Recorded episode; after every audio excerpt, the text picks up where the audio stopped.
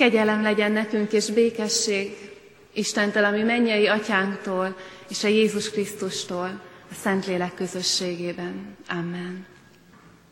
Nagy szeretettel köszöntök mindenkit, aki eljött a ma esti evangelizációnkra, vagy az evangelizációs sorozat első estéjére.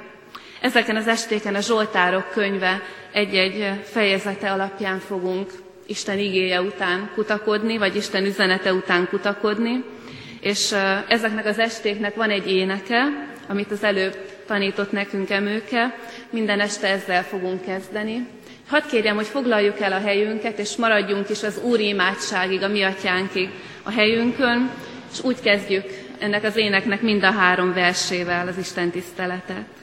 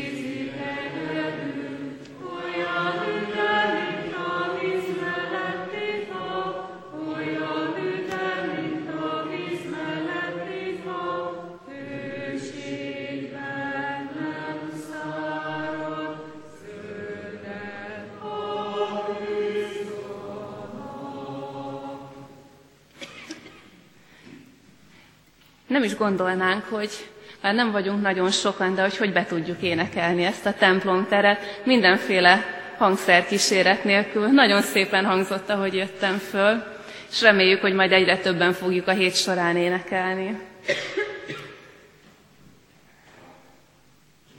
Ami segítségünk, esti alkalmunk megáldása, megszentelése jöjjön az Úrtól, ami Istenünktől, aki a mennyet és a földet alkotta.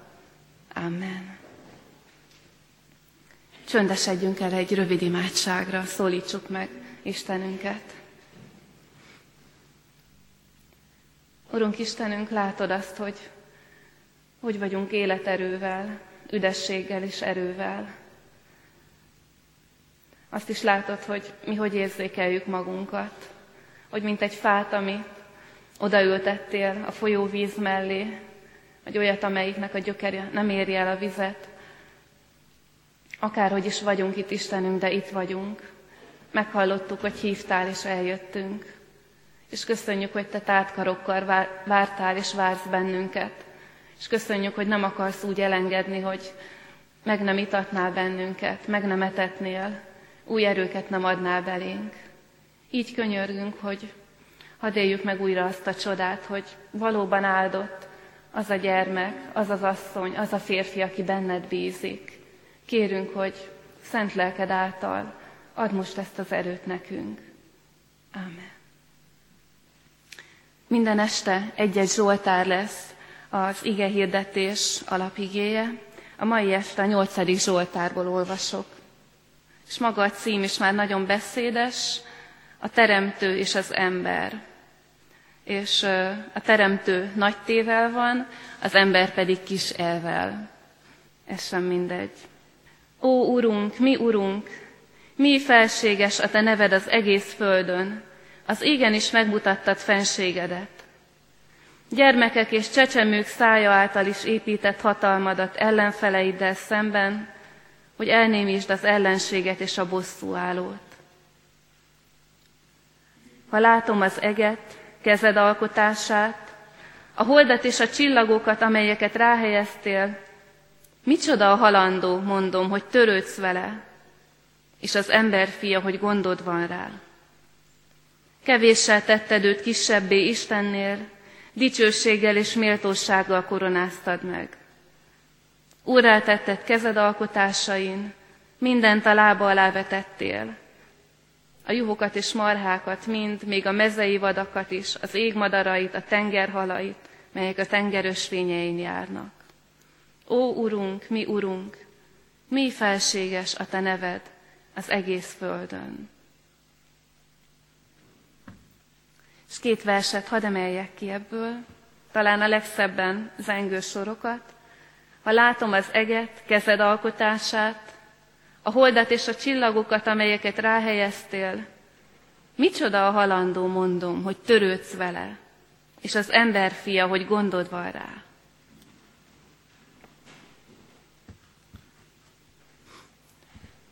Valaki azt mondta erről a Zsoltáról, hogy ezt nem a templomban kellene fölolvasni, meg nem a templomban kellene erről prédikálni, hanem kinn a szabadban.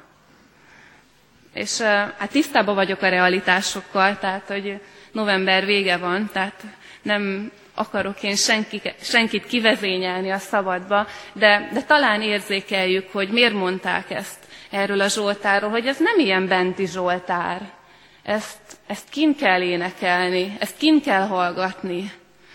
Hát leginkább talán egy augusztusi csillagfényes éjszakán, amikor fölnézünk, és, és látjuk tényleg a, az eget, ahogy ragyog, a holdat, a csillagokat, akkor, akkor megszólal, talán nem csak körülöttünk, hanem bennünk is ez a Zsoltár. Sőt, azt gondolom, hogy ha már keressük, hogy hol, hova illene legjobban ez a Zsoltár, meg ez az imádság, akkor, ha már augusztus esténél vagyunk, én biztos, hogy nem Kecskeméten, itt a belvárosban hallgatnám és énekelném ezt a Zsoltárt, ahol annyi, annyi kivilágított üzlet, meg annyi mindenféle lámpa és fény van, hanem hát egy faluba, a nagyszüleinknek a falujába, ahol Hát, mint a legtöbb nagyszülős faluban közvilágítás alig van. És megvan nyilván ennek a bosszantó része is, de hát ilyen helyeken látjuk igazán az eget. És látjuk igazán a csillagokat, amikor az a sok-sok kis fény, amit mi lépten nyomon fölgyújtunk, az nincsen. Azt gondolom, hogy mindannyiunknak van ilyen élménye, hogy ott vagyunk a az estében vagy az éjszakában, fölöttünk a sötét, de mégis ragyogó égbolt, és, és nincs szükség arra, hogy valaki prédikáljon nekünk. Nincs szükség arra, hogy valaki azt mondja, hogy imádkozzál már az Istenethez. Mert maga az égbolt a csillagokkal beszél valami olyat, amit hát belül érzünk, hogy ez igaz. A csillagfényes égbolt beszél arról, hogy kicsoda az Isten, hogy milyen Isten lehet az, aki ilyen eget, ilyen fényeket alkotott, azért, hogy mi lássuk őket. Azt gondolom, hogyha egy augusztusi éjszakán killennénk egy ilyen helyen, talán nem is lenne szükség prédikációra, bennünk szólalna meg az ige hirdetés. És azt gondolom, hogy sokunknak van is ilyen élménye, hogy egyszer csak megszólal az égbolt. Az idős Zimányi József mesélte, vagy írta azt magáról, hogy hát ő, ha valaki, akkor ő tényleg az anyateljel szívta magába a hitet, meg az Isten ismeretet, meg a templomban nőtt fel, de azt mondta, hogy az első igazi bensőséges találkozása Istennel, az nem a templomba volt, az éppen egy nyári éjszaka, a csillagból, csillagfényes ég alatt. Hogy akkor élte át azt, amit már régen, ami már régen itt volt neki ismeret szintjén, hogy az Isten hatalmas, és hogy közben olyan közel van, közben olyan közel tud jönni. És én is őrzök magamban egy ilyen élményt, az talán nem is az én élményem, de pont ezért olyan drága nekem. Másfél évvel ezelőtt körülbelül 20 fiatalt vittünk a sziget közbe táborozni, 14 és 20, 20 év között. És hát nem a csendes fajtá, csendesebb fajtából, mert nem is az a dolguk, hogy csendesek legyenek. És az egyik este, az esti alkalomnak a részeként kimentünk csak az udvarra, Szigetköz egyik kis falujában, és lefeküdtünk mind a huszan, ilyen körbe, vagy hát csillagalakba, és azt mondtam nekik, hogy most néhány percig csak nézzük az eget. Csak figyeljük, hogy mit látunk, és hallgassuk, hogy mit hallunk. Maradjunk csöndbe, és, és egy néhány percig csak beszélgessünk azzal, aki mindezt alkotta. És hát reméltem, hogy kibírják egy olyan három-négy percig. Azt mindannyian tudjuk, hogy ha sokan vagyunk együtt, és teljes a csönd, három-négy perc, az nagyon hosszú idő. Majdnem fél órát feküdtek ott, szó nélkül a fiatalok. Ez a 14-15-20 éves csapat ott feküdt fél órát, és hát kiki a maga nyelvén beszélgetett azzal, aki kifeszítette a fejünk fölé ezt a csillagos sátrat. Fantasztikus, amikor megszólal az égbolt. És azt mondom, azt gondolom, hogy mindannyiunknak van ilyen élménye. Ugyanakkor meg azt is gondolom, magamat mindenképpen beleértve, hogy mindannyiunknak kevés ilyen élménye van, vagy inkább azt mondom, hogy nem elég. A Zsoltáros azt mondja, ha látom az eget, kezed alkotását, a holdat és a csillagokat, melyeket ráhelyeztél. Ha utána gondolunk, hogy utoljára, mikor láttuk tényleg a csillagokat, nem csak néztük, vagy nem csak a fejünk fölött voltak, mikor láttuk, mikor gyönyörködtünk bele abba, amit az Isten a fejünk fölé teremtett. Hát kinek mikor? Két-három hónapja a nyári szabadság alatt? Hogy egyáltalán belefért egy ilyen csendes 10 perc, fél óra a nyári szabadságunkba, amit úgy tele tudunk zsúfolni programokkal, hogy csak nézzük az eget, és hogy lássuk, hogy az Isten mit tett a fejünk fölé. Vagy lehet, hogy sokkal messzebbre kell visszamenni, lehet, hogy évek, évek óta nem néztünk már így az égre. Lehet, hogy a gyerekkori nyaralásaink óta nem néztünk így az égre, amikor belénk sajdult az, hogy ez gyönyörű, és az, ami Istenünkről beszél. De ugyanígy nem csak a csillagokba lehet belegyönyörködni, és nem csak a csillagokat lehet látni. Mikor láttuk úgy igazán a gyerekünket például, mint az Isten gyönyörű alkotását. És nem azért gyönyörű, mert hazahozott egy ötöst, hanem azért, mert az Isten alkotta. Vagy mikor gyönyörködtünk bele a házastársunkba, vagy a, a körülöttünk élőkbe, mint az Isten teremtményeibe, páratlan emberekbe. Hát valamiért választottuk a másikat, az Isten teremtménye. Mikor láttuk így, tényleg mikor láttuk így a másik embert? Mikor tudtunk belegyönyörködni nem csak a csillagokba, de a másik emberbe, mint az Isten teremtményébe? Ez gyönyörű. Azt gondolom, hogy az ilyen élmények azok nem csak örömöt adnak nekünk, nem csak töltenek, nem csak újra közel visznek az Istenhez, hanem még egy nagy ajándékuk is van, méghozzá az, hogy elkezdjük újra jól látni a méreteket. És most visszatérek a csillagos éghez. Ugye azt mondja a Zsoltáros, hogy ha látom az eget, kezed alkotását, a holdat és a csillagokat, melyeket ráhelyeztél, Micsoda a halandó, hogy törődsz vele, és az emberfia, hogy gondod van rá.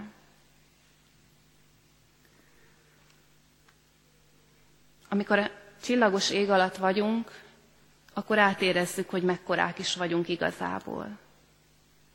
És ez azért nagyon-nagyon fontos, azt gondolom, mert, mert olyan világban élünk, ahol olyan könnyen elfelejtjük, vagy elvesztjük az arányérzékünket. Nagynak látjuk, ami kicsi, és kicsinek, ami nagy. És erről még csak néhány gondolatot hadd mondjak. A Zsoltáros azt mondja, hogy kicsoda az ember, hogy törődsz vele, Istenem. Olyan pici.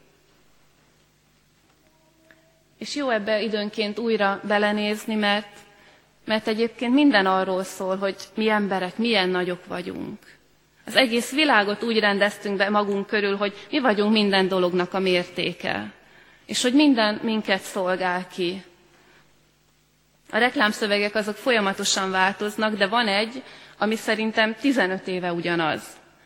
Ez a DMS mondat, hogy mert megérdemlem. Hogy azt sugalja mindenfelénk, hogy, hogy mi emberek vagyunk a legnagyobbak, és mi, mi megérdemlünk mindent, minden jó kiár nekünk. Sokkal nagyobbnak láttatja velünk a környezetünk magunkat, mint amekkorák vagyunk. És akkor az ember, aki odaáll a csillagos égbolt alá, és átéli, hogy milyen pici, átéri azt, hogy ez nem jár nekem.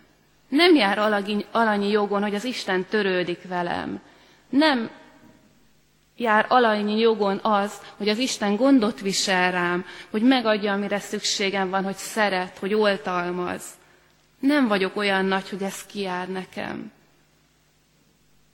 És azt gondolom, hogyha valamire tanít bennünket a csillagos ég, az ez, hogy az Isten olyan nagy, és ahogy valaki mondta, én meg olyan pici vagyok, hogy nem kötelező az Istennek, vagy nem kötelezőbb az Istennek gondot viselni ránk, mint nekünk az udvarunkban levő hangyaboly tagjaira. De teszi. Szeretetből. Mert neki a kicsi ember nagyon drága. És olyan jó, amikor ebbe újra bele tudunk csodálkozni, hogy ez ajándék. Picik vagyunk, nem kellene az Istennek velünk törődnie, nem kötelessége, de teszi, szeretetből, kegyelemből. De nem csak ezt mondja a Zsoltáros, hogy milyen picik vagyunk, hanem mikor ezt átéli, hogy ő milyen kicsi, azt is átéli, hogy Isten milyen nagyját tudja őt tenni. Mert így folytatja, az emberről beszél. Kevéssé tetted őt kisebbé Istennél, dicsőséggel és méltósággal koronáztad meg, urrá tetted kezed alkotásain. Ha megláttuk, hogy milyen kicsik vagyunk, azt is megláthatjuk, hogy Isten milyen nagyját tett bennünket.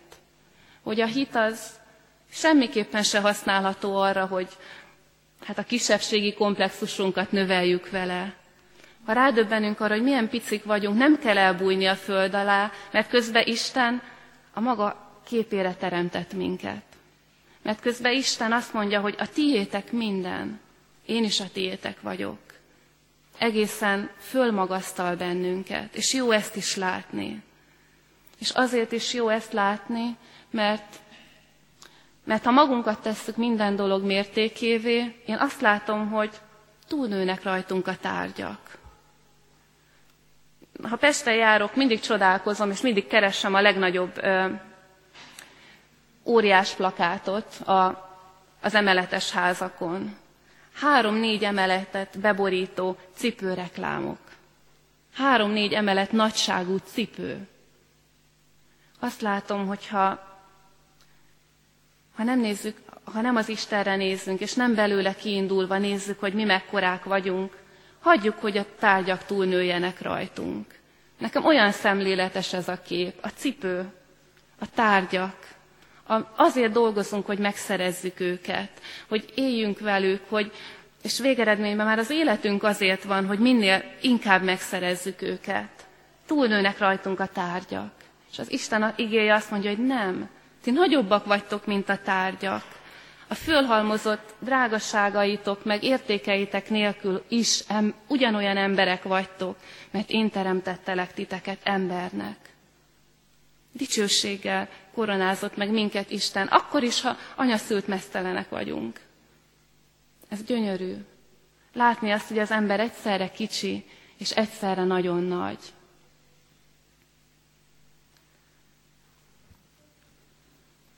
Jó, an, jó annak az embernek, aki engedi, hogy megtanítsa a csillagos égbolt, hogy mekkora az Isten, és mekkora ő.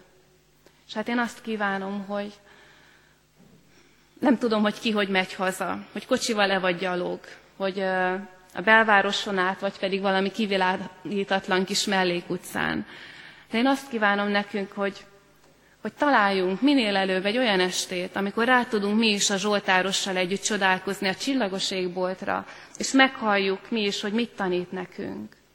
hogy az Isten a nagy, és mi kicsik vagyunk, de ebből a kicsiségből Isten úgy fölemel minket a szeretetéből, hogy, hogy a gyermekeinek nevez, örököseinek, barátainak. Ez csodálatos. Ebben találhatjuk meg a méltóságunkat, a biztonságunkat. Akkor nem kell, akkor nem kell más embert se nagyra növeszteni, nem kell attól félni, hogy a főnökünk kezében és az ő döntésében van az életünk, a jövőnk. Nem nagyobb a főnökünk se tőlünk. Mert az Isten kezében vagyunk. Isten által teremtett és fölmagasztalt emberek. Ebben erősítsen meg bennünket az Isten szent lelke. Amen.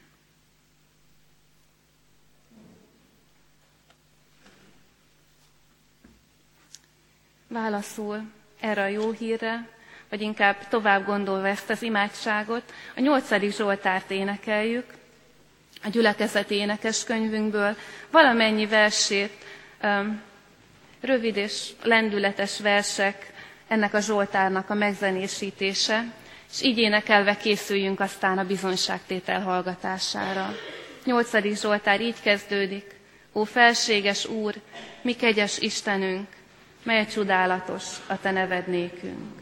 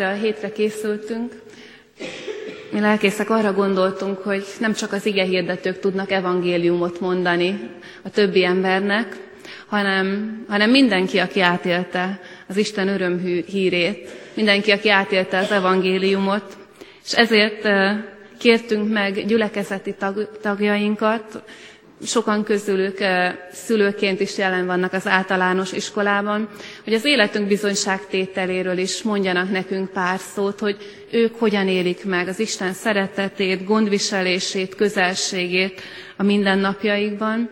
Így szeretettel kérem Balázs Attila szülőte, szülőtársat, presbiter, pótpresbiter testvérünket, hogy mondd el a magad bizonyságtételét.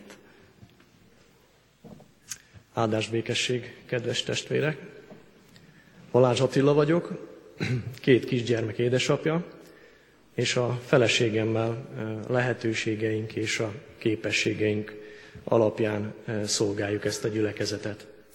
Amikor megkértek, hogy a bizonyságtétel kapcsolatban mondjam el az én történetemet, akkor nem is kellett túl sokáig gondolkodnom, mert, mert szinte azonnal beugrott a következő történet, amit szeretnék most megosztani a testvérekkel. A bizonyságtételemnek a lényege az, hogy Jézust csak hívni kell, és ott lesz közöttünk, eljön közénk. Arról szeretnék egy pár szót szólni, hogy hogyan van jelen Jézus a családomban, a családom mindennapjaiban. Hogyan tette jobbá, és napról napra jobbá az életünket. A történet néhány évvel ezelőtt kezdődött, amikor Emmausban egy családos héten vett részt, vettünk részt, és ennek kapcsán a legnagyobb benyomást azt tette rám, amikor ez a 80-100 ember összegyűlt az ebédlőbe, Mindenki elfoglalta a helyét, és a nyüzsgés egy pillanat alatt csöndbe váltott át, összetettük a kezünket, meghajtottuk a fejünket, és elmondtuk az asztali áldást. És miután kinyitottuk a szemünket, a számomra már semmi nem volt olyan, mint korábban, mert ahol ketten vagy háromon egybegyűlnek az én nevemben, ott vagyok közöttük. És engem ez nagyon megérintett, és attól a pillanattól kezdve, mikor ö, hazatértünk az otthonunkba, akkor ezt a idézőjelbe szokást azóta is tartjuk, és minden étkezés előtt azóta mondjuk ezt az asztali áldást. És hogyha egy életképet villantok most föl, akkor esténként, amikor a család összegyűlik, és meg van terítve az asztal, akkor vagy a feleségem, vagy az én számból elhangzik az a mondat, hogy és most tegyük össze a kezünket. És a kezünket összetesszük, ki az asztal fölött, ki az asztal alatt, ki lehajtja a fejét, ki nem, ki becsukja a szemét, ki nem, és akkor elcsöndesedünk,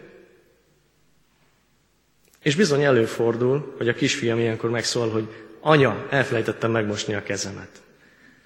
Semmi gond, már ez a néhány pillanat is elég volt ahhoz, hogy amíg ő elszalad kezet mosni, nem vagyunk mérgesek, nem haragszunk, sőt, lehetőségünk van arra, hogy a megbocsátást ilyen pici dologban is gyakoroljuk a fiunk felé.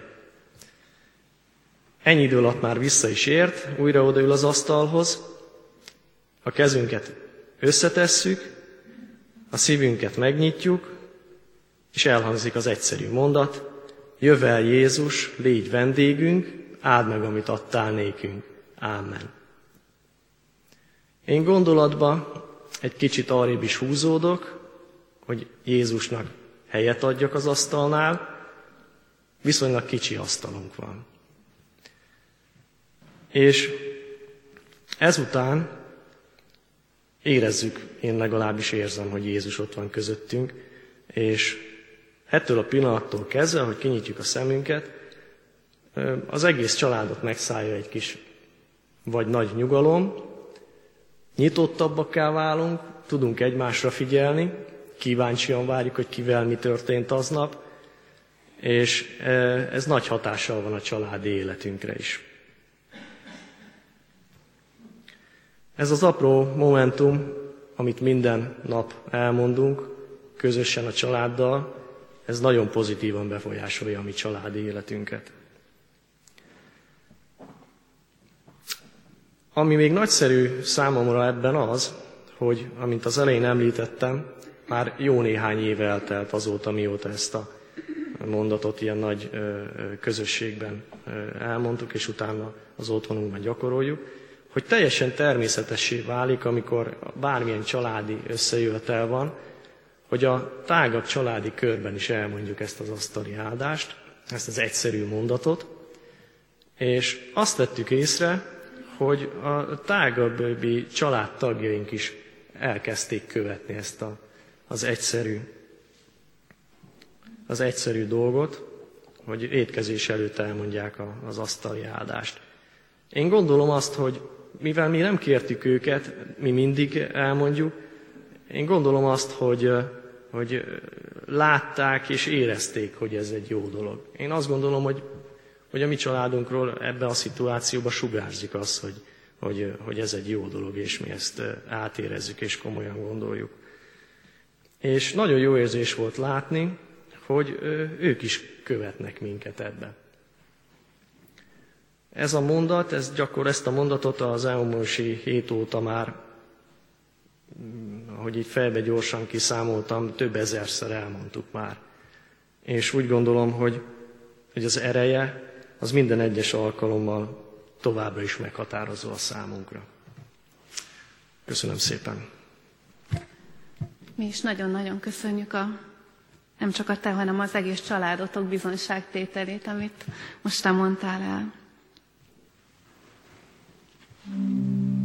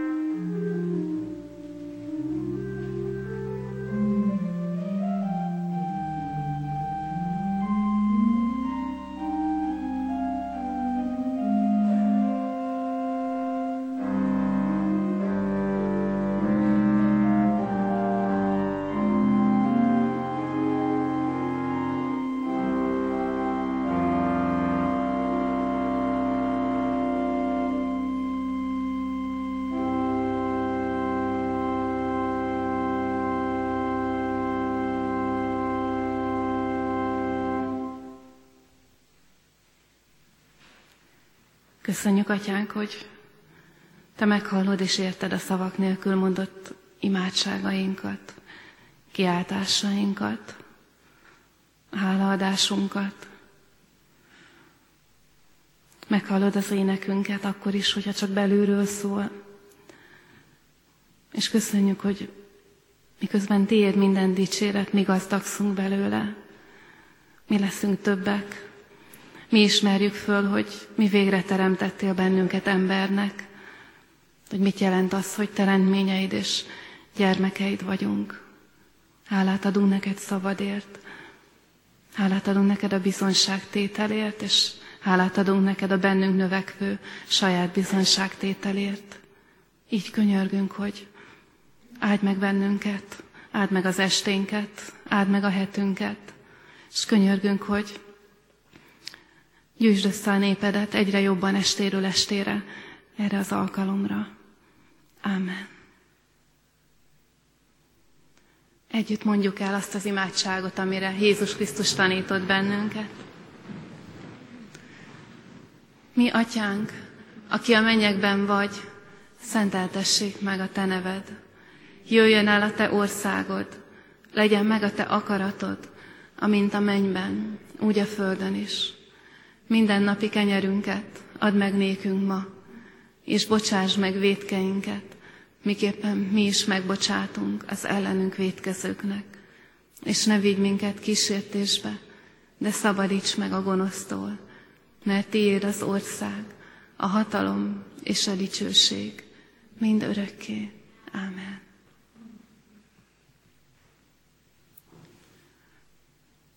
Ne félj, te kicsi nyáj, mert tetszett az atyának, hogy neked adja az országot. Amen. És zárásképpen a 81. Zsoltárunknak énekeljük az első két versét. 81. Zsoltár, ez legyen a záró vagy búcsú imádságunk. Akkor mindenkinek jó hazamenetelt, csillagvizsgálást, asztali áldás éneklést kívánok, áldás békesség. Mm-hmm.